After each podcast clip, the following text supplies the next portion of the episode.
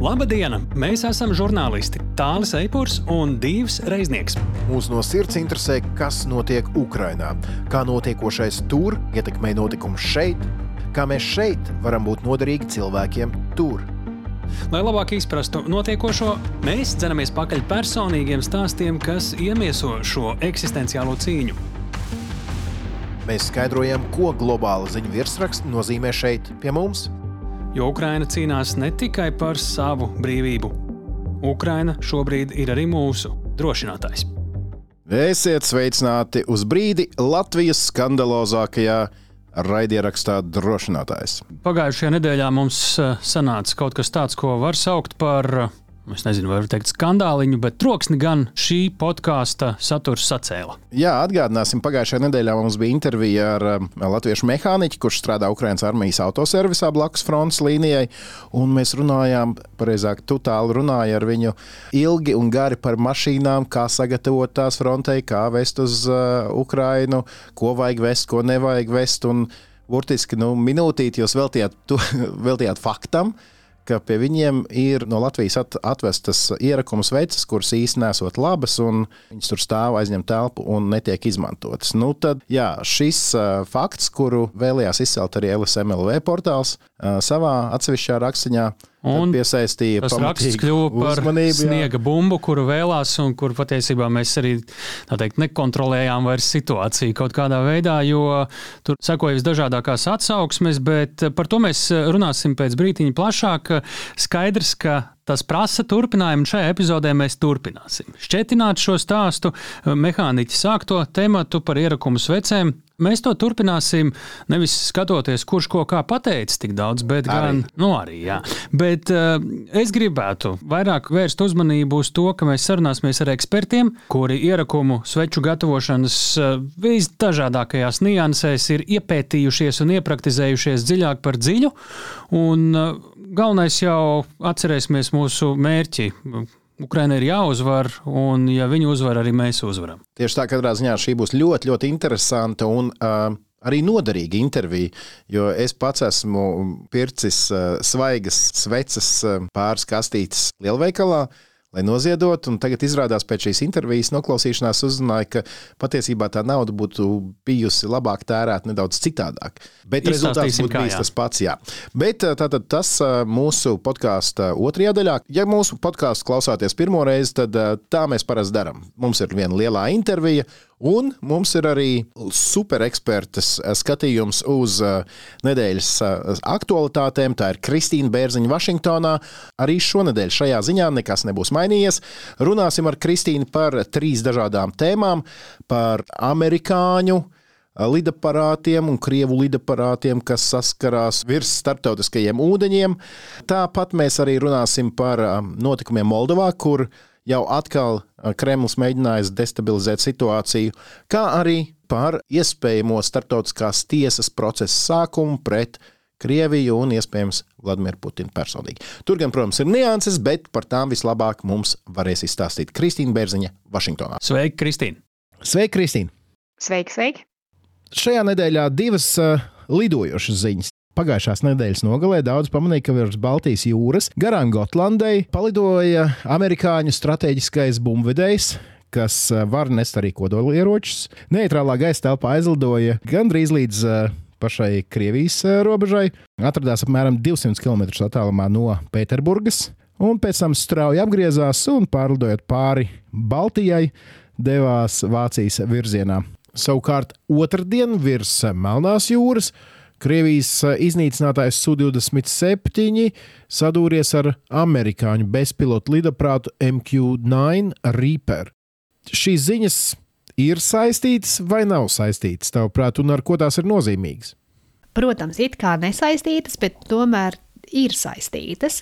Tādēļ, ka ir runa par divām jūrām, kurās ir Krievijas flote, jūras, virs kurām lido Krievijas lidmašīnas, un jūras, kuras ir robežas starp NATO valstīm un Krieviju. Savā ziņā ir vispār brīnums, ka pēdējā gada laikā šis gadījums eh, Melnajā jūrā ir pirmais, kad saskrienās gan uh, Krievijas, gan NATO valsts vadīts lidaparāts. Jebkurā gadījumā Krievija ir ārkārtīgi agresīvi uzvedusies šajā manevrā. Cita jūra, kur īpaši mums rūp, arī ir Baltijas jūra. Un virs Baltijas jūras starptautiskā gaisa telpa un starptautiskie ūdeņi arī ir bieži pilni ar dažādiem lidaparātiem no abām pusēm. Visos iepriekšējos pirmskara laika gados īpaši ir bijuši labi veidi, kā komunicēt uh, krieviem ar amerikāņiem un citām NATO valstīm par to, lai nenotiktu netīšām sadursmes, lai būtu arī gaisa telpā liela drošība. Bet jo dramatiskāka, jo sliktāka paliek situācija un attiecības pasliktinās starp Krieviju un NATO valstīm, jo komunikācija arī bieži pasliktinās. Izskatās, ka šajā gadījumā Melnajā jūrā notiek komunikācijas un sarunas starp ASV uh, amatpersonām un Krievijas par šo tēmu. Uh, bet uh, svarīgi arī, lai tādas sarunas notiktu iepriekš, un lai būtu norunas, kā drīkst un kā nedrīkst uzvesties starptautiskajā gaisa telpā. Jo ir risks, ka var sāsināties konflikts un ka nonāk jau kaut kādā gandrīz tiešā kara situācijā un konfliktā starp ASV, starp NATO un Krieviju. Un, lai gan retoriski Krievija kurina naidu un kurina argumentus, ka tā cīnās pret NATO, reāli ir bijusi ārkārtīgi liela un svarīga robeža starp to, vai Krievija cīnās pret Ukrainu vai Krievija cīnās pret NATO valstīm. Un to Krievija ir līdz šim ļoti ievērojusi. Ja tā robeža sāk pazust, tad, tad pasaule paliek bīstamāka. Tā kā tu pieminēji Krievijas iedomāto cīņu pret NATO, tad es uzreiz atceros, ka šajā nedēļā acīm redzam jaunas norādes Krievijas propagandas ruporiem. Margarita Simonjāna vairāk kārtīgi pēdējās nedēļas laikā ir nākus klajā ar publiskiem paziņojumiem, ka nu, mēs jau Ukrainu patiesībā uzvarējām divās, trijās dienās. Bet tad mums sākās cīņa pret NATO. Kopš tā laika mēs cīnāmies ar NATO, un tāpēc mums te iet tā kā iet. Protams, šāds paziņojums ir kombinācija no dažādiem iepriekš jau dzirdētiem paziņojumiem. Bet, nu, jā, tu, tu tā pieminēji to Krieviju un NATO, un tad es uzreiz tā par Simonu atcerējos. Tad ne, tas ir ļoti svarīgs jautājums, jo jautājums ir arī, mēs runājam par to, kas ir Ukrainas uzvara, kas ir Krievijas uzvara.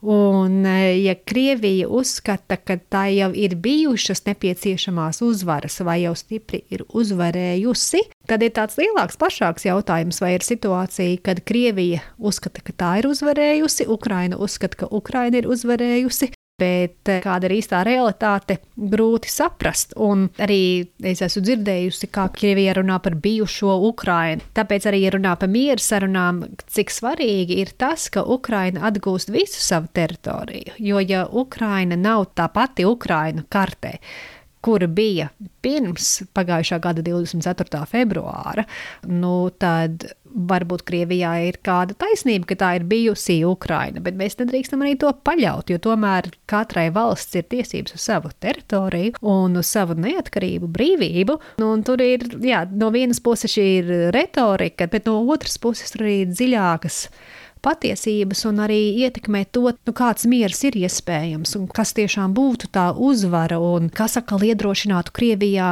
iespējams nākotnē līdzīgi uzvesties, ja Krievija uztver to, kas jau ir noticis par uzvaru. Tas arī ir bīstami. Iesim tālāk, Moldova ja atcerēsimies, pirms nedēļas mēs savukārt runājām par Gruziju, kur eh, notika demonstrācijas, kas beig beigās nesa augļus. Tad uh, svētdien eh, Moldovas galvaspilsētā arī notika demonstrācijas, bet šajā reizē gan nedaudz cita veida, proti, uh, pro-maskaviskas demonstrācijas, Tiesa lēma paturēt apcietinājumā vismaz uz mēnesi septiņus tā saucamos tituškas. Tas ir no Ukrainas 14. gada laikiem jāatceras tāds žargonu vārds ieviesies. Runājot par sportiskiem puišiem treniņbiksēs, kuri provocē uz uh, dažādām agresīvām rīcībām. Tāpat esot arī viens uh, Krievijas aģents koordinators arī aizturēts. Acīm redzami, ka Maskava nav atmetusi cerību Moldovā mm, situāciju ietekmēt. Nē, atmestusi cerību noteikti nav, un uh, Moldovā var par relatīvi lētu naudu, kā redzējām šajā gadījumā, organizēt protestus, pro-krieviskus protestus. Destabilizācija Moldovā nāk Krievijai par labu, hausa ieviešana un pro-krieviska Moldova arī savā ziņā ir uh, kaut kas, par ko Krievija varētu lepoties. Tāpēc arī ir tiešām jāuzmanās par to, kas varētu tālāk notikt Moldovā. Moldovai nav spējas militāri sevi nopietni aizsargāt. Moldovā valdība ir ļoti rietumiski noskaņota, bet uh, izskatās, ka ir relatīvi viegli sašūpot arī valsti. Tas rūp uh, Moldovai, Ukrainai, bet īpaši arī svarīgi, piemēram, kaimiņu valstī, Eiropas Savienības un NATO valstī Rumānijai.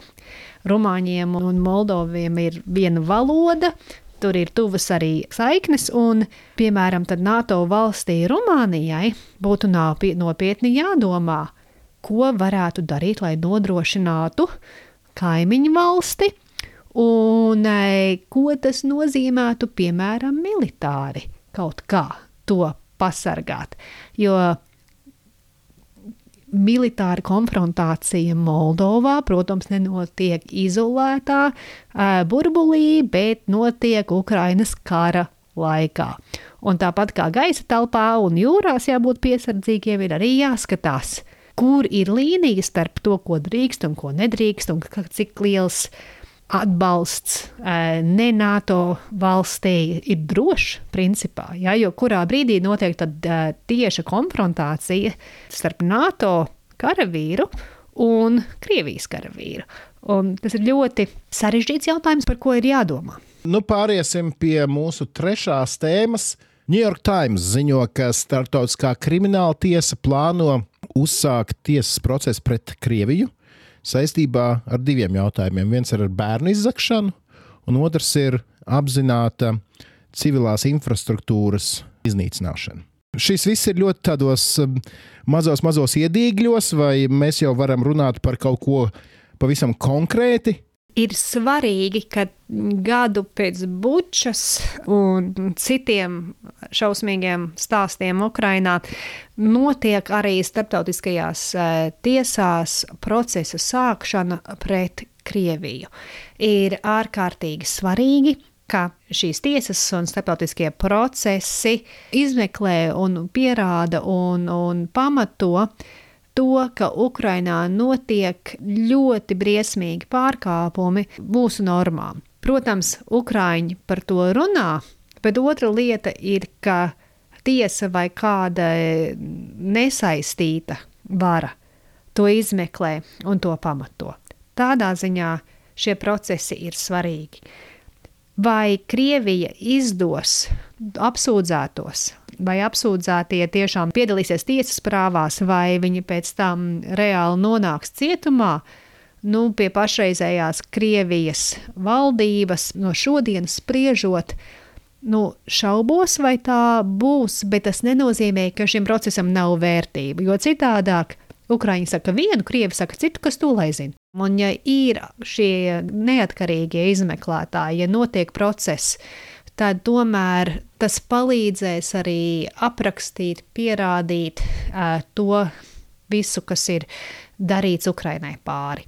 Tādā ziņā šis ir nozīmīgi un būs jāskatās, jāturās līdzi, kā tas viss tālāk attīstās. New York Times atzīmē divus interesantus aspektus. No vienas puses, pret Vladimiru Putinu var izvirzīt apsūdzības, uh, jo Startautiskā krimināla tiesa neatzīst valsts galvu imunitāti kara noziegumu lietās, noziegumos pret cilvēci un genocīdu izskatīšanā. Tā ir nosacīta labā ziņa. Sliktā ziņa ir tāda, ka šī tiesa netiesā kādu attālināti. Proti, šim apsūdzētajam ir jābūt uz apsūdzēto sola, un uh, tas uzreiz padara šo par lielu jautājumu, uh, vai šī tiesa reāli varēs uh, nu, produktīvi strādāt. Bet, ja mēs paskatāmies uz precedentiem, vai ne? Slobodans Miloševičs, kādi vēl tev precedenti nāk, nāk prātā, kad uh, liekas, nu, variantu īsti nav, bet, nu, ej nu sazina, kā beigsies? Nu, jautājums ir, cik ilgi Putins ir pie varas, un jautājums ir, kāds arī ir kara iznākums. Tāpēc, ka tad, kad izskatās nu, neiespējami, kā kurš tagad ies, vai tiesa tagad ies Kremlī un es čupru paņems Putinu, nu nē, bet kāda tiesas arī izmeklēšanas un procesi var ļoti, ļoti ilgu laiku arī, var, arī ilgt stipri. Un bieži par to varbūt ir sūdzības, kā tas nav nu, operatīvs risinājums un tā. Bet, nu, varbūt. Varbūt, ja mainās situācija Krievijā, ja mainās, ja pagriežās pasaule citādāk, tad nu, ir Miloseviča piemērs, ir piemērs tam, ka tie, kuri bija pie varas un darīja pāri citiem, ka kādreiz arī viņiem ir, viņus arī sauc pie atbildības. Labi, tas arī viss šajā reizē. Lielas paldies, Kristīne! Sazvanamies pēc nedēļas. Ja? Labi, tad sazvanīsimies pēc nedēļas. Ata! Čau! Raidieraksts drošinātājs. Paldies, Dievu! Paldies, Kristīne! Kārtībā reizes trīs svarīgi temati. Es ļoti ceru, ka tie jūsu skatu ir kārtībā reizes, kā jau pēc Kristīnas ekspertīzes, tas mēdz būt pavēruši plašāku un padarījuši dziļāku, arī pēc divu ekspertīzes. Paldies! No jau, no jau. Nav par ko. Tā, gribu parunāt par Oskariem. Labprāt. Nē, mēs neesam kino apskatnieku. Raidieraksts šajā gadījumā. Bet ne... Mēs varētu. Labāk paliekam katrs savā vietā. Um, bet nē, šajā reizē tiešām mums Ukraiņas kontekstā ir ko runāt par Oskariem, tātad par prestižāko kino balvu pasaulē. Pagājušajā nedēļas nogalē, kā labākā dokumentālā filma, balvu saņēma Navaļnī filma par um, Krievijas galveno opozicionāru. Tieši tā, par viņa noindēšanas mēģinājumu, pēc tam, kā viņš mēģina atšifrēt, kurš viņu ir mēģinājis nogalināt. Nu, katrā ziņā, jā, šī bija viena no finālistēm uz šo balvu. Vēl viena bija filma par ukrāņu bērniem, arī dokumentālā filma, eh, saņēma Navaļnī filmu. Viss tas vizuālais tēls, ko mēs redzējām, ceremonijā. Jā, tajā ceremonijā izraisīja interesantas sajūtas. Jo no vienas puses, jā, Navaļnijas, kurš cevišķi Ukraiņas kontekstā nav viennozīmīgi vērtēta personība, sēž cietumā, viņa ģimene ir uzpūsusies pēc labākajām Holivudas tradīcijām. Viņa meita defilē pa sarkano paklāju. Jā. Ukrainā šis viss izraisīja lielu, lielu sašutumu vairāku iemeslu dēļ. Viens, es minēšu, bija tas, ka uz šo Oskaru ceremoniju labprāt būtu neklātienē ieradies uh, Ukraiņas prezidents. Tieši tā, uh, mēs labi zinām par Ukraiņas prezidenta komandu vienu lietu. Viņi ir uh, lieliski PR speciālisti, ņemot vērā viņa, viņu iepriekšējās dzīves, uh, un viņi mēģina paust savu vēstījumu, kur vien var gan filmu festivālos, gan mūzikas festivālos, gan nu, tādās vietās, kur tu parasti nedzirdi politiskas runas. Arī šajā reizē viņi bija aicinājuši Oskara ceremonijā dot Zelenskim uh, kad minūte laika, lai viņš varētu veikt video uzrunu. Oskara ceremonijas producents teica, nu, sorry, mums te ir pasaulē daudz kari bijuši, un nu, tagad viņi baidās par to, ka mēs tagad iedosim, ja Baltijā Baltiem cīnās, ka ap, apsūdzēs rasismu. Nu, skaidrs, ka Oskara ceremonija kā šobiznesa pasākums negrib saistīties ar politiku. Jā, jā, un tad paskatāmies, kas ir nominēto sarakstā. Un, protams, ja tu skaties no Ukraiņas puses, tu redz tā, Zelenskim mums neļāva runāt, jo negrib būt politisks pasākums. Tāpat laikā Navaļnī filmai jūs iedodat balvu, kā tad ir nu, vispār politika un, un, un filmas, kā tad tur iet vai neiet kopā. Nu, te ir jautājums tāds, protams, ka šo balvu piešķir cik tur vairāk kā 5000 kino akadēmijas biedru. Mēs nevaram ielīst katru 5000 uh, galvā. Nu, viņi tur izvērtē kinematogrāfiskās kvalitātes, ne, nu, un tur bija daudz strīdu, vai tiešām šī Ukraiņas filma nav arī kinematogrāfiski spēcīgāka. Nu, jā, bet nu, katrā ziņā tā, tā ir tāda nedaudz kreisi orientēta, par sevi viņa domā, jā, progresīvi domājoša mākslinieka ģilde, un katrā ziņā tik detalizēti, kā tas tiek uztverts Ukrainā vai Krievijā. Krievijā, starp citu, visos oficiālajos kanālos skatoties, šķiet, ka dokumentālās filmas balva vispār netika pasniegta. Ja? Nu, jā, katrā ziņā liels skandāliņš uh, un vēl viena lieta. Un atkal, te ir savukārt mediju pratības jautājums, kas šajā raidījumā vēl izskanēs uh, šis termins. Ja skatās, piemēram, te pašā Twitterī, daudzi ukraiņi teica, kā Rekur pasniedz balvu un nevienu reizi nepieminēja Ukrainu. Patiesībā filmas režisors, kurš pats ir kanādietis, nocitēja Navaļnī, kurš bija teicis, ka nu, tur iestājas pret netaisno Putina karu Ukrainā. Navaļnija sieva, kura teica arī pusminūtes garu pateicības runu, nevienā brīdī nepieminēja Ukrainu. Tas arguments ir tāds, ka nu, viņas vīrs ir cietumā, un varbūt, ja viņas vārdi būtu tādi skarbi vai netīkami, viņas vīram tiktu padarīta dzīve vēl neciešamāka cietumā. Kaut gan, ja viņš nav nogalināts šobrīd, diez vai Oskara runa būtu kā, kā ietekmēs. Bet to mēs, protams, nezinām. Tas viss ir spekulācijas. Nu, tad, protams, te uh, Dievs pateica, ka pret Navaļniju Ukrainā ir krietni atšķirīga attieksme nekā daudz kur citur pasaulē, ņemot vērā Navaļniju kādreizējos izteikumus vai pozīciju attiecībā pret Krīmas okupāciju un aneksiju.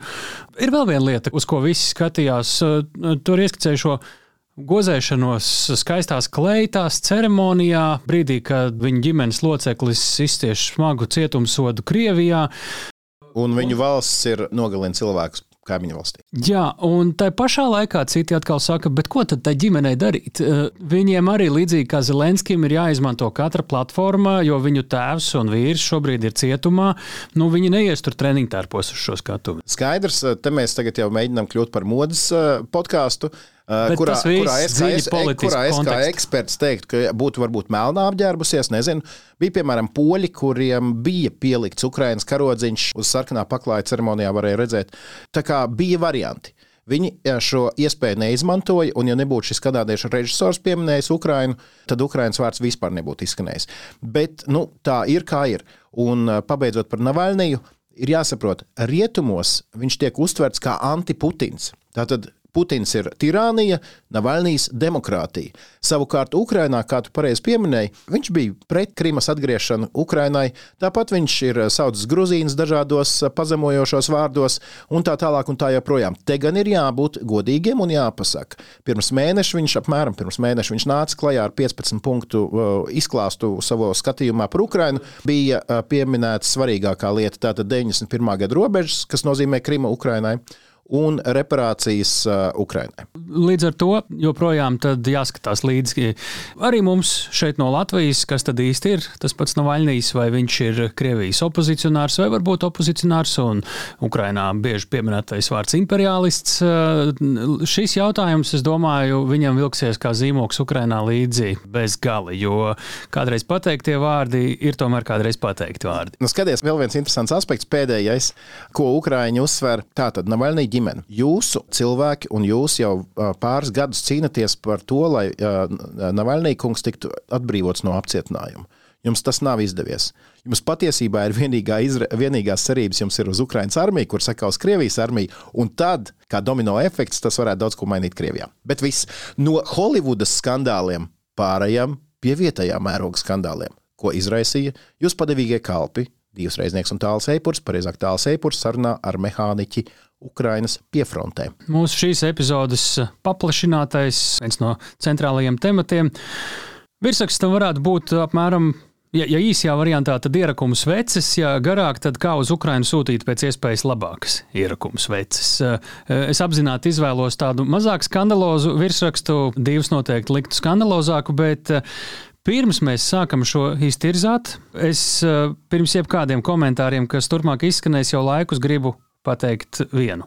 Ukrainā noder un noderēs gandrīz jebkādas jūsu taisītas, sūtītas ierakums veces. Nenāk par sliktu pirms tam pievērst uzmanību, papētīt vairāk, kā tās labāk uztaisīt, un arī zināt, kādiem nolūkiem tad Ukrainā tās tiks izmantotas. Bet uh, mēs no raidierakstu drošinātājs, uh, lai kādi arī būtu komentāri, sakām tiešām lielu un milzīgu paldies ikvienam un visiem, kur šajā procesā iesaistās. Un šeit ir arī Ļoti svarīgi pateikt šo, un jūs vēlāk arī sapratīsiet, kāpēc. Tieši tā, skaidrs, ka jebkurš, kurš iesaistās, iesaistās tāpēc, lai palīdzētu. Un tieši tādēļ man liekas, ir ļoti svarīga šīs dienas intervija, lai mēs saprastu, kā palīdzēt labāk, efektīvāk un tam līdzīgi. Bet Tātad neliela atkāpe, par ko mēs vispār šeit šobrīd runājam.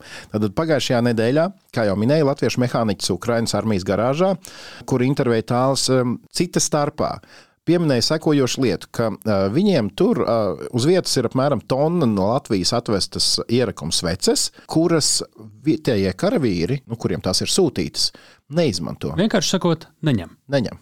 Paklausāmies. Mums ir stāv kāda tonna no Latvijas sveces. Viņas neviens neņem.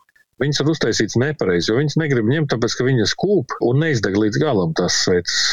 Facebookā es mēģināju rakstīt, tur atkal, jā, mēs taisām to sveču liešanas akcijas. Viss jau skaisti, baigi labi, bet netariet tā. Tā ir tā palīdzēšana, palīdzēšanas pēc. Tā ir pat ar tām mašīnām. Ot, es tur iedošu, deju ko, gan jau ko vajadzēs. Nu, nevajag, tāpēc, ka tas ceļš līdz šejienai jau ir nepilni 2000 km no Latvijas. Te rēķiniet, cik degvielā mēs nodedzinām. Nevajag palīdzēt palīdzēšanas pēc. Ja neziniet, pajautājiet. Redz, un te, šis bija interesants kā fakts, ja? kas uzreiz pietrūka. Pietrūka, protams, kurš veidis, kad veidis un nu, visas šīs žurnālistiskās lietas. Un šādi izskanot šādai informācijai, kur paņēma arī LSMLV kā atsevišķu rakstu, tas uzreiz izraisīja gana plašu rezonanci no ļoti svarīgiem cilvēkiem šajā visā palīdzības procesā. Tā skaitā biedrības tavi draugi. Viņi mums atsūtīja tajā pat dienā vēstuli, gana sašutumu pilnu. Un kāpēc es saku, ir svarīgi? Tāpēc, ka viņi ir bijuši starpnieki vai iniciatori un dažādu workshopu veidotāji, kur rezultātā Tavi draugi jau ir aizsūtījuši 83,000 Latvijas iedzīvotāju gatavotas šīs ierakums veces. Un tas ir gan Bahmutā, gan Hersonā, gan Luganskas, Donetskas, Zaporižģijas, Harkivas apgabalos un sildi karavīrus un ir ļoti, ļoti noderīgs. Eh, biedrība bija sarūktināta par eh, mūsu podkāstā izskanējušo mehāniķu vēstījumu. Un eh, var saprast, jo sveču gatavotājiem taču var rasties bažas, vai mēs visu darām pareizi. Tāpēc mēs aicinājām tavus draugus pie mikrofona bet tā vietā viņi mums atsūtīja šo vēstuli. Lūk, daži fragmenti. Esam nepatīkami pārsteigti par publikācijām, kuru tapšanā ņemts vērā vienas personas viedoklis, nepajautājot, ko par šādu situāciju saka reālie sveču lējēji un to piegāžu veicēji. Pašlaik daļa mūsu brīvprātīgo savu laiku veltā atbildot uz satrauktu iedzīvotāju un ziedotāju vēstulēm un ziņām. Vai tiešām mūsu, mūsu bērnu un kolēģu izgatavotās sveces ir nederīgas, un viss darbs, kā arī ieguldītie resursi, ir bijuši veltīgi? Daļu laika arī pavadām sazinoties ar Ukrainas karavīriem frontē, kuri pat no uguns līnijas vēlreiz un vēlreiz apstiprina, ka ierakumu sveces joprojām ir vajadzīgas, liederīgas un ļoti noderīgas. Ierakumu sveces nav nekas jauns. Tās tiek gatavotas jau kopš otrā pasaules kara laikiem, un ir dažādas tehnikas vai pieejas, par ko arī mūsu un citu organizāciju brīvprātīgie sveču lējēji savā starpā karsti diskutē. Piemēram, satītā kartona sveces liesma ir mazāka, bet tā deg ilgāk. Savukārt svece ar kartona zvaigznīti deg ar lielāku liesmu, bet to grūtāk izmantot vējainā laikā un tā tālāk. Būtiskākais, jebkādas ierakumu sveces Ukrainas karavīriem ir vajadzīgas un noderīgas. Par to gan diskusiju nav. Lūk, neliels fragments no tava drauga vēstules mums, un te es gribētu īpaši un atkārtot uzsvērt. Jautājums jau nav par to, vai šīs sveces būtu vajadzīgas. Ir vajadzīgas, tomēr te vietā ir jautājums, ja tās ir vajadzīgas, vai tiešām tonna sveču stāvētu garāžā piefrontes līnijā. Nu, acīm redzami ir svarīgs ne tikai svece kā priekšmets, svece kā lietojams materiāls. Nu, tu par kvalitāti runā. Jā.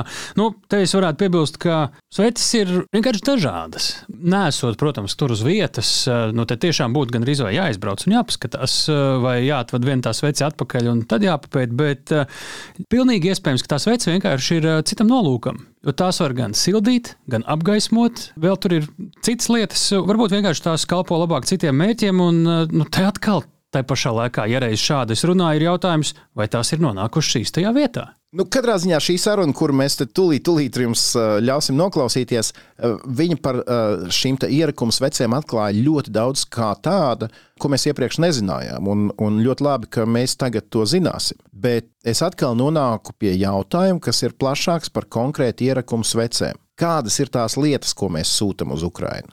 Vai dažkārt nevarētu būt tā, ka labu gribēdami mēģinām sūtīt pēc iespējas vairāk, pievarot acis kvalitāti? Mums pārmet, ka nepajautājām, ko par šo situāciju domā reālie sveču lējēji un piegāžu veicēji. Bet tad ir jautājums, kura viedoklis ir svarīgāks? Vai tam, kurš sūta, vai tam, kuram tās sveces ir jālieto, kurš saka, ok, paldies, bet es viņas neredzu, kā es varētu lietot. Vai nevarētu būt tā, ka absolūti lielākais vairākums ir perfektas, brīnišķīgas, superīgas sveces, bet zinot, ka sveču veidošanā ir iesaistīti arī neprofesionāļi, un kuriem varbūt nav vienmēr klāt speci no tavi draugi vai mūsu eh, nākamie viesi, nu, ka kaut ko labu gribēdam atkal jau. Bet Labu, izdara, ne, tā, bet jo- izdara jā. nepareizi. Jo to mēs dzirdēsim arī intervijā, ka var izdarīt nepareizi, labu gribēdams. Nu, tas tas, ko mehāniķis teica arī par automašīnām, ne tikai par svecēm un, un līdzīgi. Un man arī šīs nedēļas laikā, klausoties mūsu iepriekšējo epizodi, arī nu, no Ukrainas piefrontes arī atsūtīja, jā, ka liels, liels paldies par eh, palīdzību, ko tā skaitā no Latvijas tur arī ved, eh, bet tāds eh, tiešām, nu, cik vien var kluss, kautrīgs un neaizskart nevienu mēģinošu lūgums pievērst uzmanību tam, lai tā palīdzība, nu, tomēr būtu pēc cik nu iespējams, iespējas racionālāka, lai nav jātērē eh, līdzekļi gan vedot to palīdzību, gan pēc tam laiku un eh, cilvēku resursus, ko ar to īsti tur iesākt frontē vai piefrontē. Nu, tā nebija tāda sūdzēšanās, drīzāk lūgums, jo tā darāmā frontē mēs paši saprotam un piefrontē, kā nu, tur netrūks nemaz. To pašu arī teica, starp citu, Reinis Pozņaks, ka uh, viņš saka, jā, no vienas puses viņš saka, jā, mums, vajag, mums der jebkādas mašīnas, bet te ir runa par to, ka der uh, pickups, busiņš, kravas mašīna, bet ne grausti, jo tām ir jāpārvar šie 2000 km.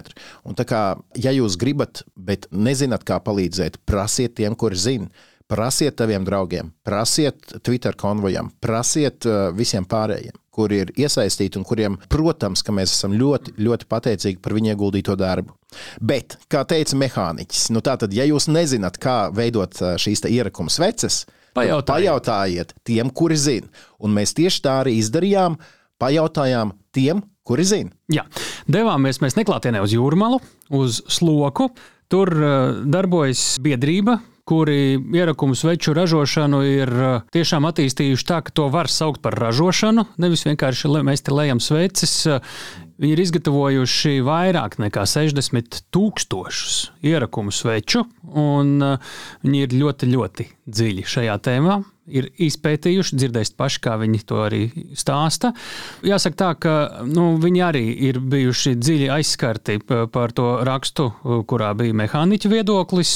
Viņiem pilnīgi radusies arī sajūta, ka tas ir apzināts, lai kādu aptraipītu. Nu, es varu skaidri un gaiši pateikt, nē, tas tā nav. Tā visticamāk ir lieta, kura nav izdarīta līdz galam, un tieši tāpēc arī mēs ar šiem diviem kungiem izvēlējāmies runāt, lai mēs pēc A pateiktu arī B. Ne, godīgi sakot, vienkārši neiedomājoties, ka tas varētu izsaukt tādu rezonanci. Jā, mēs pilnīgi netīšām uzkritām šai tēmai virsū, godīgi sakot. Un, protams, mēs varam atvainoties par to, ka netika nointervēti šeit cilvēki uz vietas Latvijā, bet nu, mēs labojam šo kļūdu un lūk, jums intervija.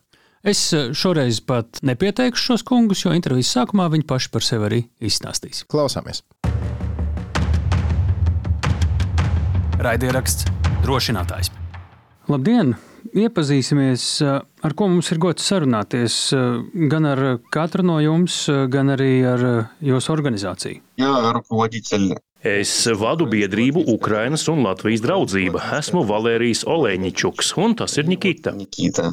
Jā, Nikita Vasiljevs. Jā. jā, esmu Nikita Vasiljevs. Es Ukraiņas un Latvijas biedrībā atbildu par tehnoloģisko pusi, tieši ierakumus vecēm, par kurām mēs sarunāsimies. Es to izveidoju, noslīpēju, un mēs pēc tās arī strādājam. Kā jūs nonācāt pie sveču gatavošanas? Es zinu, ka Ukraiņas atbalstam darāt arī citas lietas. Kāds eh, īsumā ir tas jūsu ceļš līdz Latvijai un šai nodarbei? Наше общество и до полномасштабной войны мы отправляли гуманитарные грузы, отправляли машины в Украину. Mūsu biedrība jau pirms plaša mēroga kara uz Ukrainu sūtīja humanitārās kravas un automašīnas, bet, kad sākās jau pilna mēroga karš, uzreiz ķērāmies pie plašākas palīdzības sūtīšanas. Mēs bijām brīvprātīgie bataljonā Aidar jau no 14. gada, bet tagad šeit sloks papīra fabrika, kur mīt mūsu biedrība, ir kļūsi par brīvprātīgo palīdzības centru Jūrmalā. Šeit esam apvienojušies un sākām pieņemt un sūtīt humanitāro palīdzību. Līdz šim esam nosūtījuši jau 117 automašīnu Tie ir gan cilvēku evakuācijas autobusi, gan arī pikapi un džipi mūsu karavīriem. 20 машин. Это и автобусы для эвакуации людей, и также э, и пикапы, и джипы для наших військовых. Vēl pakāpjoties soli atpakaļ, no kurienes jūs paši esat? Es zinu, ka, kā jau daudziem, arī jūsu stāsts nav vienkāršs. Я гражданин Украины, родом с города Северодонецка, Луганской области. Мой город уже второй раз уже под оккупацией России. Esmu Ukraiņas pilsonis, dzimis Luhanskas apgabala Severodonetskā. Mana pilsēta nu jau otro reizi ir Krievijas okupācijā. Tas bija 14. gadā un nu arī 22. gadā.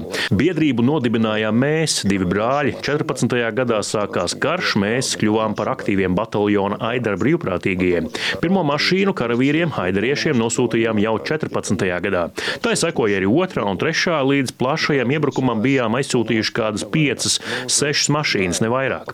Bet sākoties plašajam iebrukumam, mēs jau zinājām, kā pirkt mašīnas, kā tās noformēt, nogādāt, kā noformēt kravas. Mēs uzreiz pieslēdzāmies palīdzēšanai. Steidzam vajadzēja pikapus, siltu apģērbu, zeķes, cilvēki no jūrmalas, no Rīgas mūs atrada, mūsu telefons bija vēstniecībā. Mēs mūsu slokas papīra fabrikā ātri izveidojām humanitārās palīdzības centru. Ieviesām daudz kanālu telefonu zvanu pieņemšanai, kad jau ieradās pirmie bēgļi, redzējām, ka arī viņi grib palīdzēt pat tad, ja viņiem pašiem vajadzēja palīdzību. Tā nu mēs ar Nikitu, saviem draugiem, sapratām, ka šos cilvēkus ar kaut ko vajag nodarbināt, jo viņiem ir liela vēlme palīdzēt. Un kāpēc gan negatavot ierakumu sveces, kuras mēs sākām taisīt jau vasarā? Mēs redzam, ka Putins iznīcina infrastruktūru un drīz būs ziema, un tā arī sākām ierakumu sveču gatavošanu, kļūt tā par mūsu vienu no pirmajiem projektiem. Не делать окопные свечи, которые мы начали уже делать летом. Мы видим, что Путин уничтожает инфраструктуру, и мы знаем, что зима, она вот-вот, она уже будет рядом. И начали мы вот э, делать эти окопные свечи. Nu, вот у нас такая вот, как один из проектов, то есть это первый, это у нас проект. Mums ir arī projekts Peremoga mobīli, jeb uzvar mobīlis. Braukājam pa visu Latviju, atrodam mašīnas. Mūsu draugi Saldu un Jūrmalā tās remontē. Brīvprātīgie tās dzen uz Ukrainu. Otrs projekts nu jau kļuvis par mūsu zīmolu. Tā ir uzvaras uguns, jeb Vogoņa Peremogi. Mēs uzskatām, ka šis būs uzvaras gads. Šajā gadā visa Ukraina un pasaule cer, ka šis karš beigsies beigsies. Bet ar šiem projektiem nu jau 65 tūkstošus kvalitatīvu ierakumu sveču esam nosūtījuši uz Ukrainu. Un turpinām sūtīt, un sūtīsim rīt, un sūtījām vakar. Mēs tās piegādājam regulāri. И вчера мы их отправляли. Мы их регулярно доставляем. Kā jūs dalāt savus pienākumus? Мой брат сейчас э, в Украине, и также и в Болгарии э, есть. Mans brālis Vitālijs šobrīd ir Ukrainā, tāpat arī braukā uz Bulgāriju un nodarbojas ar palīdzību. Nikita ir mūsu draugs, iepazināmies jau 14. gadā brīvprātīgo pasākumā. Viņš bija atnesis mantas, lai tās mēs varētu sūtīt uz Ukrainu, un tā mēs zinām viens otru jau no tā laika. Украину. Ну вот мы познакомились с ним. И вот общаемся с 2014 года. No kurienes esat jūs, Никита? Я родом из Москвы. В Латвию я переехал в начале 2013 года. после путинской rokировки, когда мне стало понятно, как būtu. Esmu dzimis Maskavā, uz Latviju atbraucu jau 2013. gada sākumā pēc Putina rotācijas. Man bija skaidrs, kā tas viss attīstīsies tālāk. Kopš tā laika dzīvoju Latvijā, bet pēc Krimas aneksijas, kad sākās karš, sāku meklēt, kā varu palīdzēt. Sākumā pārskaitīju naudu uz Ukraiņu brīvprātīgo fondiem, bet tad atradu Valēriju, viņa brāli un draugus slokā. Kopš tā laika draudzējamies un darbojamies kopā друзей с Локи. Мы с тех пор общаемся, дружим и работаем вместе. Iemesls, kāpēc mēs tiekamies šajā sarunā, protams, ir ierakums vecis un raksts, kurš publicēts portālā LSMLV, kur intervējamais ar pseidonīmu mehāniķis stāsta, ka daļu saņemto ierakumu sveču tur piefrontē neviens īsti negrib izmantot, jo tās dūmo, un dūmus neviens negrib, lai piefrontē redz. Kādas bija jūsu pārdomas par šo redzējumu? Я, в общем-то, в тот же вечер, когда мне Валера прислал вот эту ссылку на статью, которая вышла на ЛСМ, я написал в Фейсбуке свой комментарий по поводу вот этой статьи. И я в своем комментарии начал я его с того, что, пожалуй, любая статья об окопных свечах Vakarā, kad Valērijas man atsūtīja saiti uz rakstu, ierakstīja Facebook savu komentāru. Manuprāt, jebkurš raksts par ierakumu svecēm jāsāk ar pateicības vārdiem cilvēkiem, brīvprātīgiem, kuri tās taisa. Pēc tam var teikt, es esmu izdomājis šādu tehnoloģiju, un tā ir labāka tādu un tādu iemeslu dēļ. Ja to jau sākumā nepasaka, tad tāds raksts nekam neder, un tas neko nepasaka. Ja būtu tāds sākums, tad pēc tam jau var izvērtēt tehnoloģiju, kāpēc kaut kas ir slikti un kāpēc kaut kaut kas ir labi. Tad raksts būtu informatīvs un izglītojošs. Tad raksts palīdzētu tiem, kuri vēl nezina un neprot. Bet tā šāds raksts mērķiecīgi diskreditē brīvprātīgo kustību. Tad tam nav citas lomas. Domāju, ka tas ir mērķiecīgi darīts. нашу волонтерскую деятельность. Другой задачи в этой статье я не вижу. Я не, рассмат... не просматриваю ее. Я считаю, что целенаправленно джинса, как говорят журналисты, которая призвана именно опорочить нас. Tik cik es zinu, un es par to esmu drošs, tad pavisam noteikti to var saukt par varbūt kļūdu, bet noteikti neapzinātu rīcību. Нет, я думаю, что это вполне сознательное действие, и я продолжаю. Es domāju, ka tā pilnīgi iespējams bijusi apzināta rīcība un turpinos to uzstāt, jo tā netika piedāvāta apspriešanai. Tā tika vienkārši izlikta publiskajā telpā kā kritika, kā visu Latvijas sveču kritika, kā visu Latvijas ražotāju un brīvprātīgo kritika. Un tas ir sitiens pa Latvijas reputāciju. Nevis pa Latvijas ukrāņu vai kādas citas atsevišķās kategorijas reputāciju. Tas ir sitiens pa Latvijas sniegtā atbalsta reputāciju. Un tas ir mērķtiecīgi. Которую Латвия оказывает Украине. И это целенаправленно. Да-да-да, смотрите, я вот э, полностью подтверждаю слова Никиты. Мы с Никитой это долго тоже обсуждали. Понимаете, в чем дело? Jā, jā, es pilnībā apstiprinu Nikitas teikto. Mēs ar viņu par šo ilgi diskutējām. Saprotiet, kas par lietu. Ļoti daudzi man sūta saiti uz šo rakstu. Pat sāk nākt zvani no Ukrainas. Saprotiet, informācija nonākusi jau līdz turienei. Tātad Latvijā notiek kas slikts. Latvijā nemāk izgatavot sveces, bet patiesībā mūsu izgatavotās 65 tūkstošus sveču zina gan ukraiņu, gan latviešu brīvprātīgie, gan ukrainas armīnieki. Mums ir daudz atsauksmju, un viņi nesaprot, kādēļ Latvijā ir šādi raksti. Nikita visu pareizi pateica, un te jau vairs nav tik svarīgi, kurš ko lej, kādās buļģās ar kādu saturu tās piepilda, kādu kartonu izmanto. Pats bēdīgākais ir tas, ka mums no dažādām Latvijas pilsētām ved humāno palīdzību, konservus, dāvina mašīnas, ved sveces, ko izgatavojuši Omes un Opi. Jā, uz šīs palīdzības nerakstām, ka tās ir uzvaras uguns, taču mēs to sapakojam. Tur ir arī zeķes, bērnu zīmējumi un uz kastēm rakstām no Latvijas iedzīvotājiem. Свечки привозят, которые дедушка с бабушкой сделали и привезли. Да, мы не пишем, что это наш продукт в огонь перемоги, но мы их упаковываем, там еще и носки теплые, там дети там рисунки положили, и мы пишем на коробке от жителей Латвии. Понимаете, чтобы люди это понимали, это Sveces, ko ražojam kopā ar Nikitu, mēs jau brendojam ar savu nosaukumu, lai tās būtu uzreiz atpazīstamas. Savukārt, tajās svecēs, kuras izgatavo Omis un Opi, var būt cits kartons vai bišu vasks, nevis parafīns. Mēs to redzam, taču šā vai tā sūtām prom. Iedomājieties, cik nepatīkami šiem cilvēkiem tagad lasīt šo rakstu. Lasīt mehāniķi teikto, ka tādas sveces pie viņiem tur vienkārši guļ kaut kur stūrī. Nav nozīmes, kas viņas tur nosūta nosūtīja, kas izgatavoja. Par savām svecēm varam droši teikt, ka tās neguļ tonnām kaut kur noliktavās, jo mēs par savām svecēm skaidri zinām, kur un kam tās nosūtām. Taču kādam kaut kur tās guļ neizmantotas. Jā, tas ir slikti, un tāds nu tas raksts arī sanāca. Кому мы куда отправляем? Но у кого-то где-то они лежат. Да, это плохо. И статья такая ну, получилась, да. Ko tad mēs varam darīt? Jo laiku atpakaļ nepagriezīs, taču mēs varam darboties labāk tagad un nākotnē.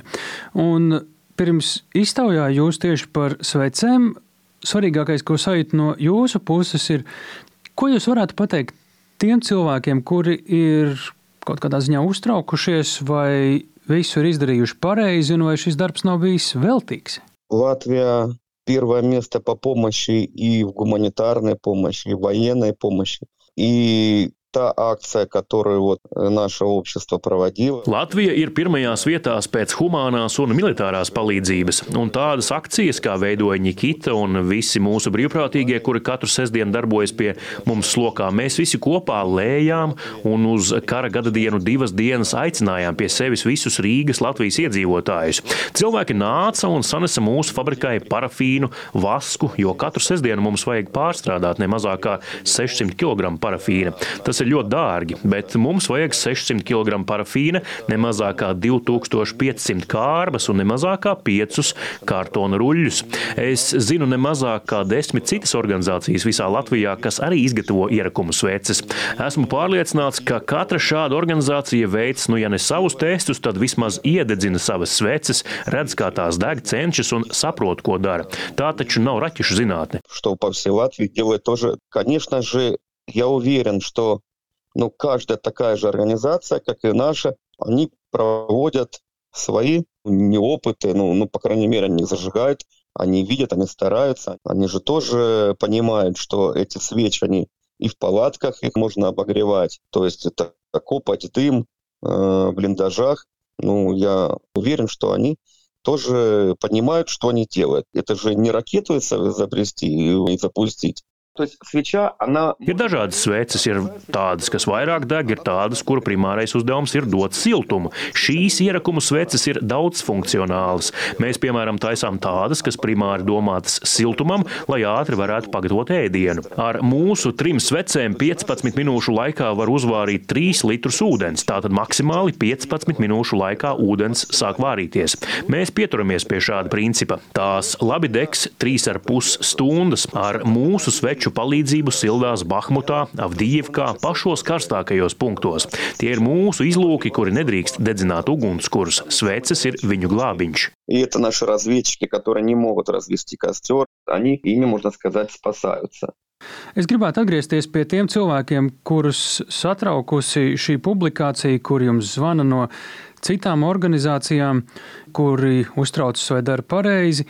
Kā jūs, kā tie, kuri zina, kā pareizi jātaisa sveces, kā jūs viņus varētu nomierināt? Я знаю, что есть люди, которые подсолнечное масло туда доливают и пальмовый воду. Zinu, ka ir cilvēki, kuri sveču izgatavošanā izmanto saules puķu eļļu, palmu, vasku un bez maz vai ziepes tur liek, tikai lai tā degtu. Ja tā tiek izgatavotas sveces, tad patiesībā jāsāk uztraukties, jo šāda svece nedegs.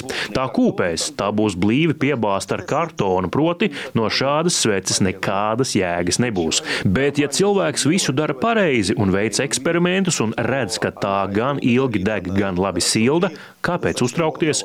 Ja žurnālists pieļāvis kļūdu rakstā, to var izlabot. Es tikai lūkšu, lai cilvēki nesatraucas. Lielas paldies viņiem par palīdzību, par to, ka atved izēvielas kopā ar mums, izgatavo tās sveces un sūta tās prom. Godīgi pateikšu, visu šo laiku pret mums nekādas pretenzijas sveču sakarā nav bijušas, un neesam dzirdējuši, ka arī pret citiem būtu bijuši iebildumi. Никаких претензий по поводу свечек не было. И мы и не слышали, чтобы и у других какие-то претензии были. Просто, ну, чтобы это было проще понимать, Jā, Lai vienkāršāk būtu saprotams, teikšu šādi. Ir tāda lieta kā ukrāņu boršs. Tas ir jāvāra pareizi. Katrs var mēģināt un vārīt ukrāņu boršķu, taču ne katram galu galā sanāks ukrāņu boršs tāds, kādam tam būtu jābūt. Un ar svecēm stāsts ir tieši tāds pats. Katrs var taisīt tādas, taču jātiecas uz to, lai taisītu tās labi. Делать их может любой. Но нужно стремиться к тому, чтобы делать их хорошо. No vienas puses, es dzirdu, ka nav bijušas sliktas atsauksmes par svecēm, kas tiek sūtītas uz turieni.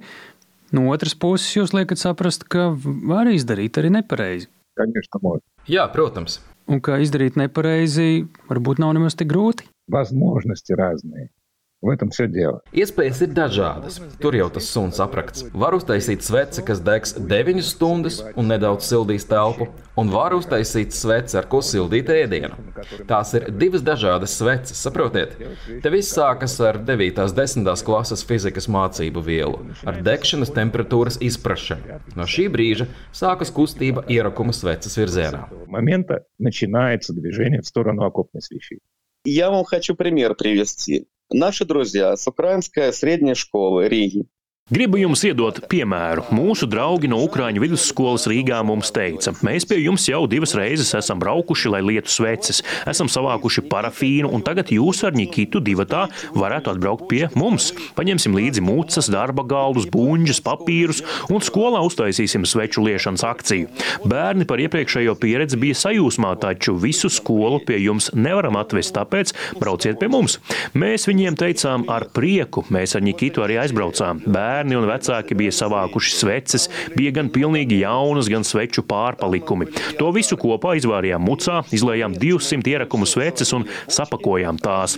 Pēc tam man zvanīja no vēstniecības un teica, ka būšot pasākums par godu Ukrainas parlamenta spīkera vizītei. Palūdza pie Maidanā kritušo varoņu stenda iedegt dažas no tām svecēm, ko skolā nu pat bijām izgatavojuši. Tas notika ārpus vēstniecības telpām. Laukā bija apmēram tāds pats laiks kā šobrīd. Bija vēss, ik pa laikam uzsniga, un tad nu, dega tās mūsu sveces. Школы. На улице вот, погода была, как и сейчас. Моросил дождь, моросил снег, и горят наши свечи. И мне вот первый секретарь Евгений подходит и говорит, Валера, а вот на другой акции, вот даже когда снег шел, они еще лучше горели. То есть они прям как факел горели. А я говорю, это объяснимо. Kādā brīdī pie manis pienāca vēstniecības pirmais sekretārs un saka, Vaļera, vienā citā pasākumā, kad bija vēl vairāk sniega, ierakumu sveces dega labāk, gandrīz kā lāpas. Es viņam saku, tas ir izskaidrojams. Labi, ka mēs jums rādām un paši varat redzēt, ko nozīmē ierakumu sveces un cik dažādas tās var būt atkarībā no izējuma materiāla. Kāpēc mēs ar Nikitu lūdzam, lai mums ved parafīnu? Nu, mēs esam ļoti pateicīgi Latvijas iedzīvotājiem par viņu vestajām lietotajām svecēm. Daudz Daudzi vēl arī tērē milzu naudu un pērk jaunas sveces, tādējādi krietni pārmaksājot par nekvalitatīvu parafīnu, kura kušanas temperatūra jau ir pavisam cita. Mēs sakām, ka ir uzskatām atšķirība. Ja vienkārši pārkausējam parastās sveces un to atlikumus, nepiejaucot klāt tīru parafīnu, tad beigās sanāks tā, ka šī svece nedaudz dūmos, kā arī degs ne tā, kā tas sanāk pie mums fabrikā lietajām ierakumu svecēm. Tur arī ir tā atšķirība. Tāpēc varbūt kāds nav apmierināts, bet tas ļoti atkarīgs no pašas ierakumu sveces sastāva, arī no izmantotā papīra, būņģas augstuma, bet tas jau ietekmē degšanas ilgumu. Bet temperatūra atkarīga tieši no sveces sastāva.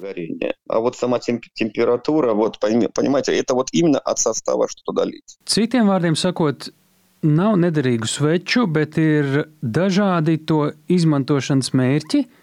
Nu, ja šķiet, ka viena svece vai pat tonna nedara vienam mērķim, tad uh, vienkārši jāizdomā, kur tādas sveces var izmantot. Да, сто процентов. И зачем привозить тоннами, чтобы они лежали, ну, например, там в одном месте? Simt procentu. Un kāpēc vest tonām, lai tās gulētu vienā vietā? Man šķiet, ka tās vienkārši jāizvadā pa vairākām vietām. Mēs nesakām, ka tās sveces ir sliktas. Slikti ir tas, ka tās atrodas vienā vietā pārāk ilgi. Ir neskaitāmas grupas, brīvprātīgo grupas internetā, kurās um, asarām acīs tiek prasīts, kam vēl ir vismaz 50 sveču. Lūdzu, atsūtiet mums, paši apmaksāsim pasta izdevumu izdevumu. Tikai iedodiet, lūdzu, pakojam sūtījumu un steidzīgi vajag, lai tās dotos ceļā. Bet minētajā rakstā, kur minēts, ka tona sveču tā vienkārši stāv, mēs īsti nesapratām to situāciju. Тоже немножко, ну, вот мы этого не поняли. Применение найти можно всему. Пользование разное. Pielietojumu var atrast vienmēr, jo svecēm var būt dažāds pielietojums. Mēs mūsu sveces veidojam kā universālas. И мы еще делаем для чего? Чтобы ее можно в карман положить, понимаете? То есть нам привозят много банок больших. И мы говорим, ну, к сожалению, вот вы нам их привезли в большом пакете. Их примерно здесь Nu, 150 štuku. Un mēs tās veidojam, lai var ielikt kabatā. Mums atved arī daudz lielu buļbuļsu, un mēs sakām, diemžēl, jūs esat tās atveduši lielā iepakojumā. To ir vismaz 150 un vēl netīras, un tās vēl ir jāapgriež. Jūs speciāli tās vedāt no Rīgas, iztērējāt ceļā kādus 15 eiro, bet mums tās vēl jāmazgā, jāapgriež, lai cilvēki pirkstus nesagriež. Ar to nav jēgas nodarboties, bet par 15 eiro mēs nopirksim, piemēram, 100 150 jaunas buļģis, bet mūsu draugs Raimons ir uzlicis ierīci. Mēs buļģis apstrādājam, un mūsu brīvprātīgie vairs nesagriež pirkstus. Nikita ierosināja ņemt divslāņu kartonu, lai to varētu vieglāk ieritināt buļģā. Un cilvēki, kuri tos griež pēc viena šablona, nu pat sestdien sagraizīja astoņus ruļļus kartona. Kopā tie ir kādi 400 kvadrātmetri. Mums līdz ar to ir laba plūsma. Bērni savāc buļģas, nes uz galdu, tur tās pielies. Kāds griež kartonu, kāds griež daktis, kāds saritina. To pārsvarā dara karavīri, kas rehabilitējas vaivaros, un arī bērni.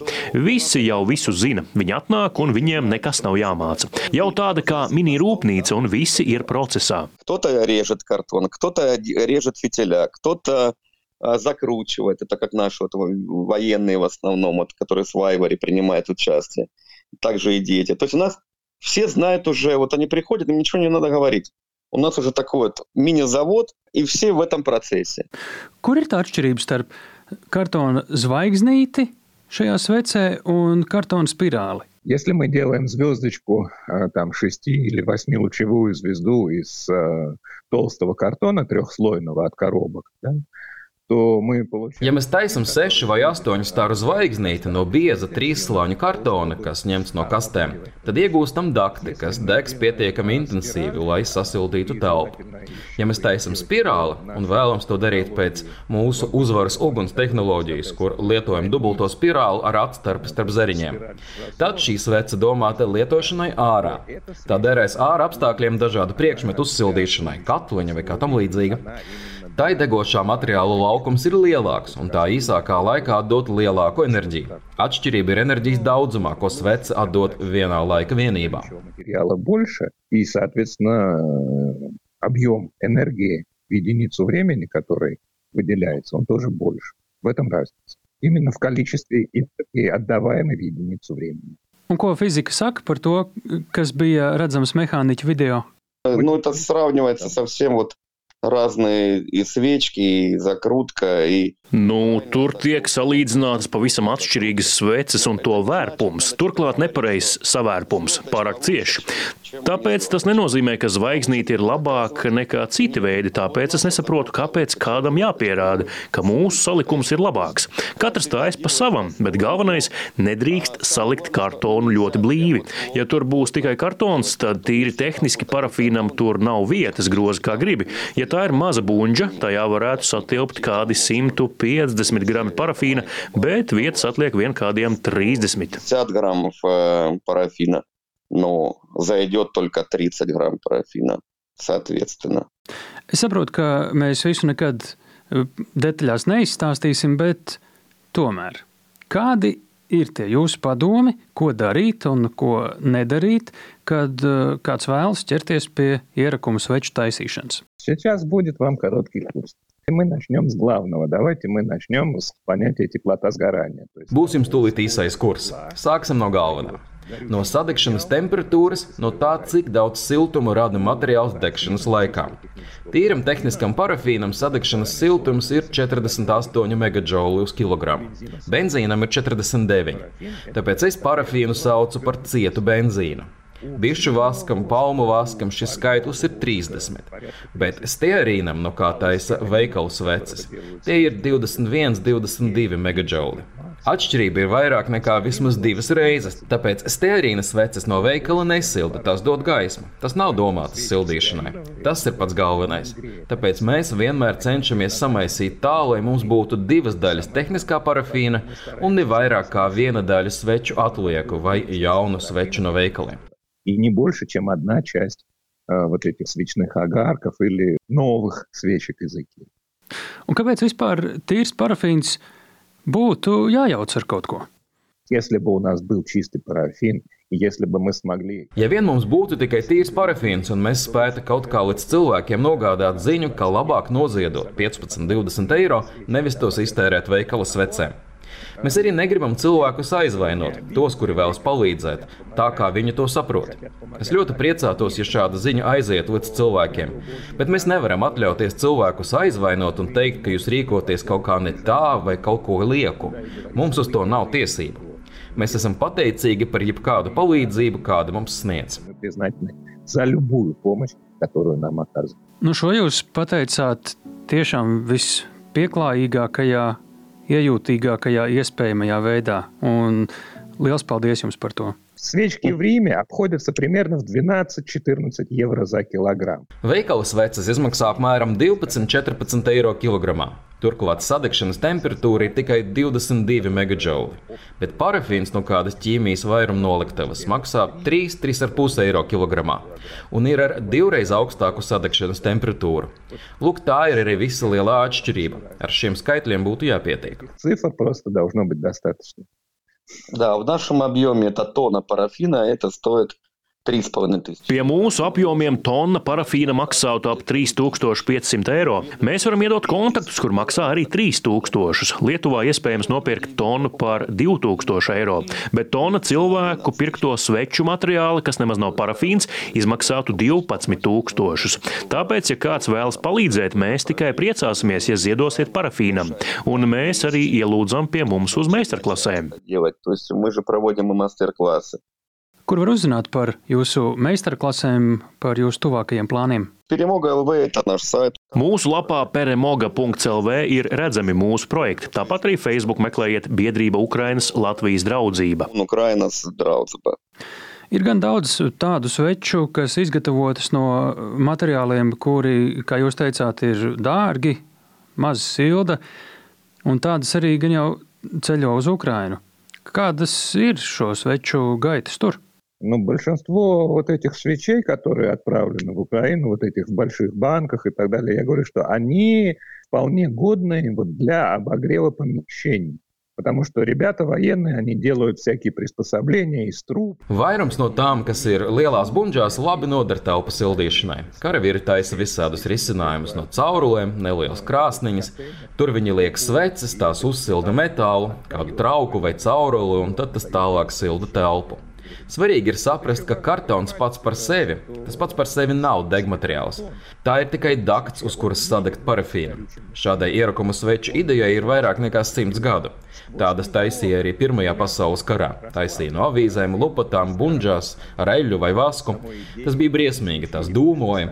Tās taisīja artērijas šāviņos, tādas eļļas lampas. Tehnoloģijas uz vietas nestāv, mēs tomēr veicam izpēti, eksperimentējām. Вот, это было ужасно, это коптило, и сделали там из э, артиллерийских гильз там, такие масляные лампы. Технология на месте не стоит, мы же занимаемся тоже поиском каким-то технологическим, постоянными экспериментами. Посол наш говорит, вот, Валера, сколько горит ваша свечка? Говорим, nu... Mūsu vēstnieks mums jautā, saki, Valērija, cik ilgi deg jūsu svece, bet mēs ar Nikitu pat īsti nesaprotam to jautājumu. Reāli nesaprotam. Mēs sakām, nu, ja buļģi ir 3,5 cm augsta un 10 cm diametrā, nu, tad deg kādas 3,5 stundas. Tikpat platas, bet jau 5 cm augstas, tās var degt pat 5 stundas. Bet jautājums jau nav par ilgumu. Mēs ar Nikitu taisām tā, lai tās sildītu. Bet vēstnieks saka, bet citas organizācijas dižojas, ka viņiem tās deg 6 un 8 stundas, un mums ir grūti Ukraiņas vēstniekam izskaidrot atšķirību starp sildīšanu un degšanu. Горит или горит? А Мы должны поним- понимать разницу между временем горения и количеством энергии, а, отданной а, в окружающее пространство. Это две большие... Ir jāsaprot atšķirības starp degšanas laiku un izdalītās enerģijas daudzumu. Tās ir divas lielas atšķirības. Jo mūs interesē nekas cits, kā vien tās, cik daudz siltuma šajā laikā svece dos. Ja jums vajag tās sešas stundas, jūs vienkārši ņemat trīs sveces, vai arī aizdedzat trīs sveces vienlaikus un uz tām divar pus stundas vāriet zupu. Fiziku nevar piemānīt. Ir sveces apgaismojumam, ir sveces ilgstošai sildīšanai, un ir tādas, kas domātas uzsildīšanai. Mēs mērķiecīgi taisam tieši šīs pēdējās Целенаправленно делаем именно нагревательные свечи. И маленькие. Un mazas, lai varētu ielikt kabatā. Tātad tās sveces, kuras cilvēki šeit, Latvijā, sataisa, tās vienkārši sanāk eh, dažādiem mērķiem. Самое главное слово – они разные. Pats galvenais vārds tas ir dažādas. Есть даже такие свечки нам привозили. Mums pat veda tādas sveces, kurās ir 3 līdz 4 kg parafīna. Puses spainis ir arī tādas, un arī tādām noteikti ir atrodams pielietojums. Применение 100% можно найти. Pieprasījums pēc ierakuma svecēm, kāds tas ir tagad un kāds tas būs? Мы еще ни разу не отправляли их летом, потому что такой фазы войны у нас еще не было летом. Nu, Mēs līdz šim neesam tās sūtījuši vasarā, jo vasarā mums vēl nebija šāda kara. Šovasar, protams, bija, bet ierakumu sveces vēl neviens netaisīja. Varbūt kāds taisīja, bet ļoti maz. Visi un arī mēs tās sākām taisīt rudenī. Sākām jau augustā, zinājām, ka nāk ziema. Bet mūsu karavīri saprot, ka karš nebeidzas, tas tikai tagad tiek gatavots. Esam pārliecināti, ka priekšā ir liels mūsu pretuzbrukums. Nevar taču tur visur piegādāt malku karavīru karavīriem un izlūkiem. Viņi neskraidīs ar malku. Tāpat arī būs lietus, pat ja tie būs plus 30 grādi. Lietū sausu malku atrast, ātri uzsildīt ūdeni vai konservu vietās, kur lido droni un termokameras ir grūti. Tur ūdens jāuzsilda ātri un uguns jānodzēš. Tāpēc īsti nav alternatīvu gāzes plītiņām un mūsu ierakumu svecēm. Elektrības nav, arī gāzes nav visur. Ты видишь и тепловизоры, ну, то есть тут Тут нужно быстро э, закипятил воду и все, ее погасил. То есть применение как газовая горелка или наши окопные свечи, ну, мне кажется, больше альтернатив других нет. Электричества нет, но газ это тоже не везде. Сами ребята говорят, консерва не так, она нам нужна, как окопные свечи. Согреться вот это Paši puiši saka, ka pat konservus mums nevajag tik daudz kā ierakumu sveces. Sasildīties tas ir pats galvenais. Donbasa naktis ir ļoti augstas. Dienā var būt plus 15, bet naktī jau mīnus 10. Sveces viņiem ļoti vajag. Jau esam sapratuši, ka tās taisīsim visu gadu. Ja vasarā tās izmantos nedaudz mazāk, vienkārši pildīsim noliktavas un rudenī tās noderēs. Mūsu sveces noderēs arī pēc tam, kad uzvarēsim. Tie būs labi suvenīri dāvināšanai пригодятся. Это будет хорошие сувениры, которые будем раздаривать друг другу.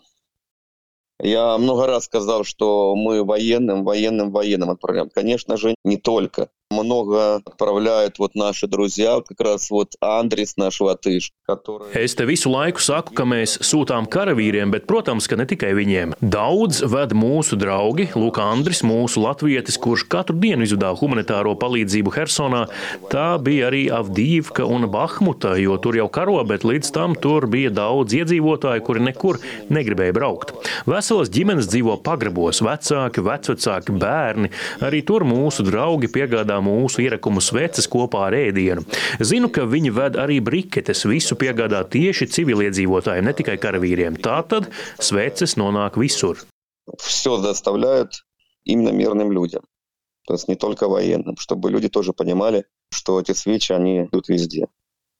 Bet šī raksta Latvija varbūt nedaudz citādāk izskatās attiecībā uz svecēm no ārpuses, bet jūs arī teicāt, ka Tas mums parāda no vēl kādas citas puses, ka mēs tik stipri gribam palīdzēt Ukrainai, ka tādēļ varam pat состридетесь. Совершенно верно, да. И в Украине вот, э, когда увидят нашу статью, вот после первой статьи, э, чтобы люди видели, что Латвия помогает всем, чем может – Ja сказал, что... Pilnīgi pareizi, kad Ukraina ieraudzīs arī šo interviju, cilvēki redzēs, ka Latvija palīdz ar visu, ko vien var. Es redzu, ka cilvēki reāli pārdzīvo, izlasot, ka kaut kur ir sliktas ierakumu sveces. Arī tagad, kad sarunājamies, man atkal atsūtīja saiti uz rakstu, ka Latvijas sveces esot sliktas.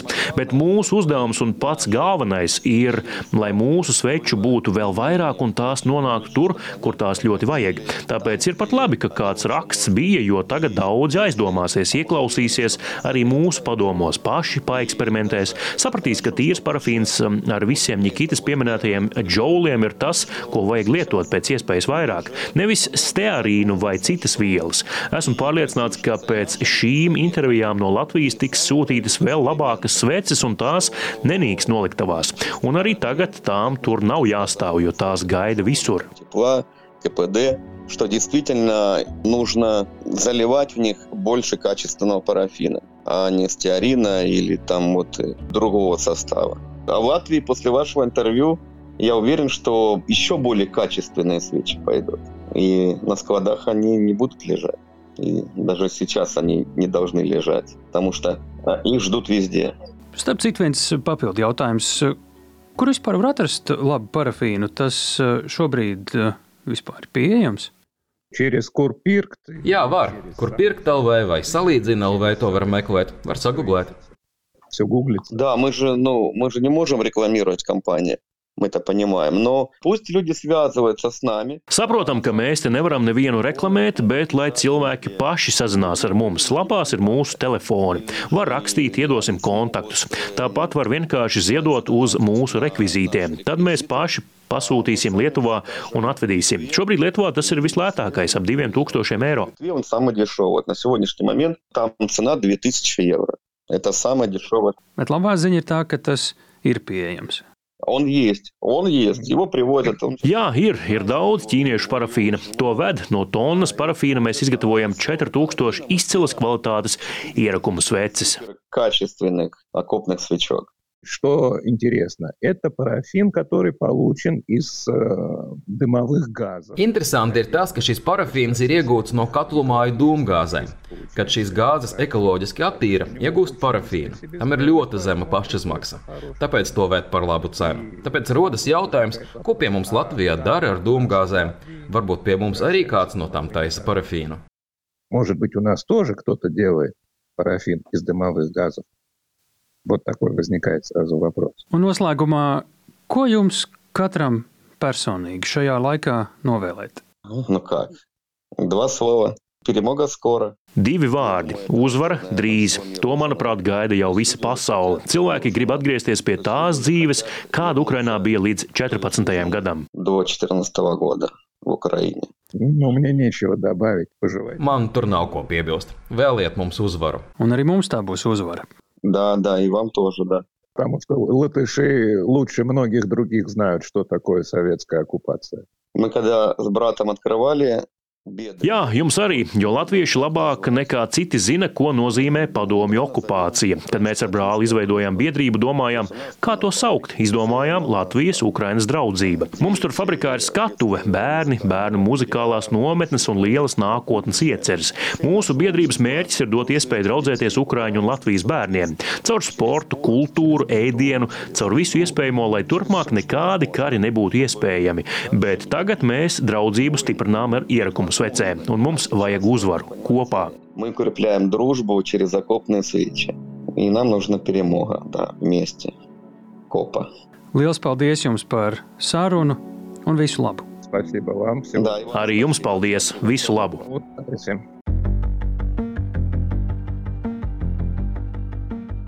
Tā bija intervija, kurā tāls Eipurs izvaicāja Valēriju Oleničuku un Nikitu Vasiljevu no biedrības Ukrainas un Latvijas draudzība. Tāli, o, man ma- smadzenes burtiski mutuļot, mutuļot no tik daudz uh, svarīgas informācijas, un tiešām nu, tagad es esmu gudrāks nekā pirms pusstundas. Nu, man bija tāda reāla bauda klausīties tajā, ko viņi stāsta. Jo tur tā, nu, paši dzirdējāt, nāk viens fakts pēc otra. Uh, es ļoti ceru, ka pēc šīs intervijas noklausīšanās uh, Latvijā taisīs vēl labākas ierakumu sveces. Un, uh, kas svarīgi, mēs ar Valēriju Nikitu arī vienojāmies. Iespējams, ka jums šo klausoties jau tas ir izdarīts, bet podkāstu iznākšanas dienā vēl nē. Mēs arī mēģināsim uztaisīt tādu īsu mācību materiālu, arī visticamāk, portālā LSMLV, ar kuru jūs varēsiet padalīties arī tālāk, ja kādam būs kādi jautājumi, kā tad īsti ir tā ierakuma sveču gatavošanas būtība, nianses un, lūk, Nikitas jau īpaši pieredze tur jums ļoti, ļoti noderēs. Un, protams, portālā LSMLV mēs vienmēr mūsu intervijas, protams, pēc tam atšifrējam tiem, kuriem patīk vairāk lasīt. Un arī šo to ieraudzīt būs bildes arī. Tieši tā, ja jums šķiet, ka kāds jūsu draugs grib gatavot ierakums vecs pareizi, aizsūtiet viņam šo interviju, šo ierakstu, padalieties ar to. Jūs varat iet arī vīru uh, mājaslapā, ko viņi ir izveidojuši Peremoga LV, vai arī biedrības Ukrainas un Latvijas draudzību Facebook kontā. Tur uh, arī atradīsiet informāciju. Un atcerieties, ka, nu, kā teica vīri, ir ļoti daudz vietas šobrīd frontē, kur šo sveču trūks, un tāpēc tas ir ļoti svarīgi gatavot arī turpmāk tās. Cerams, ka uh, šī saruna jums palīdzēs arī tikt skaidrībā, kā gatavot, un atceramies pamatprincips - nepārbāzt buļģus ar kartonu. Pārkausējot sveces, ja iespējams, pievienot tīru parafīnu. Uh, taču jāsaprot arī vēl kaut kas. Uh, Tātad būsim arī kritiski pret uh, sevi un um, savu darba rezultātu, savu ziedojumu. Un, ja jums mēģina ko teikt cilvēku Ukrajinā, ieklausāmies, nevis uzmetam lūpu. Es saprotu, ka dāvinātam zirgam zobos neskatās, bet tomēr, lai gal galā nesnāk tā, kā intervijā TV24 raidījumā preses klubs 9. decembrī teicis, tavi draugi vadītājs Ulvis Noviks. Lūko. Protams, ka lūdzam, aicinam vienmēr visus izvērtēt to lietu, apģērba preču kvalitāti, ko jūs ziedojat. Nu, tas ir ļoti svarīgi, lai tas apģērbs, apavs vai, eh, vai siltuma elements vai jebkas, ko jūs ziedojat, nu, lai viņš ir lietojams. Lai tā nav kā lieka klapata, varbūt skan uh, mazliet nepieklājīgi, bet tiešām lai, ļoti svarīgi ir tāds ātrums un tas praktiskums. Cilvēks saņem šo palīdzību ne jau izklaides pēc, jo viņam viņa vajag. Un, ja viņš nevar izmantot, diemžēl tā vairs nav palīdzība, tas jau veidojas nedaudz kā apgrūtinājums. Lūk, tā biedrības eh, tavi draugi vadītājs Ulvis Noviks. Un, uh, atcerieties, galvenais, lai Ukraiņi un mēs kopā šajā karā uzvaram. Un katrs atbalsts tāpat ir daudzkārt labāks par jebkādu neatbalstīšanu. Un mēs arī nobeigumā pavisam noteikti sakām paldies pilnīgi visiem, kuri neapstājas, turpina katrs savā veidā. Veselu rindu var saukt dziedot, liet, remontēt, krāsot, aust, adīt, braukt, visā citādi. Mēs mīlam visus, kuri mēģina tā vai citādi palīdzēt Ukraiņai. Jo tas ir kaut kas tāds, kas patiesībā šajā laikā mūs visus arī vieno. Mēs ļoti labi esam iepriekšējās epizodēs redzējuši dažādu organizāciju pašaizliedzīgu iesaistīšanos. Paklausieties kaut vai mūsu sarunu ar Montu Vecozolu kādā no mūsu eppriekšējām epizodēm. Un, jā, Nu, viss šajā reizē pietiks. Liekam punktu, lai jau gatavotos nākamajai podkāstu epizodei. Un atcerieties, ka vienmēr varat mums rakstīt eh, drošinātājs at Latvijas Rādio LV. Eh, ja apspriediet mūsu eh, Twitterī, lieciet hashtag drošinātājs, padalieties ar šo epizodi un atcerieties! Drošinātājs skaidri un personīgi par karu Ukrajinā.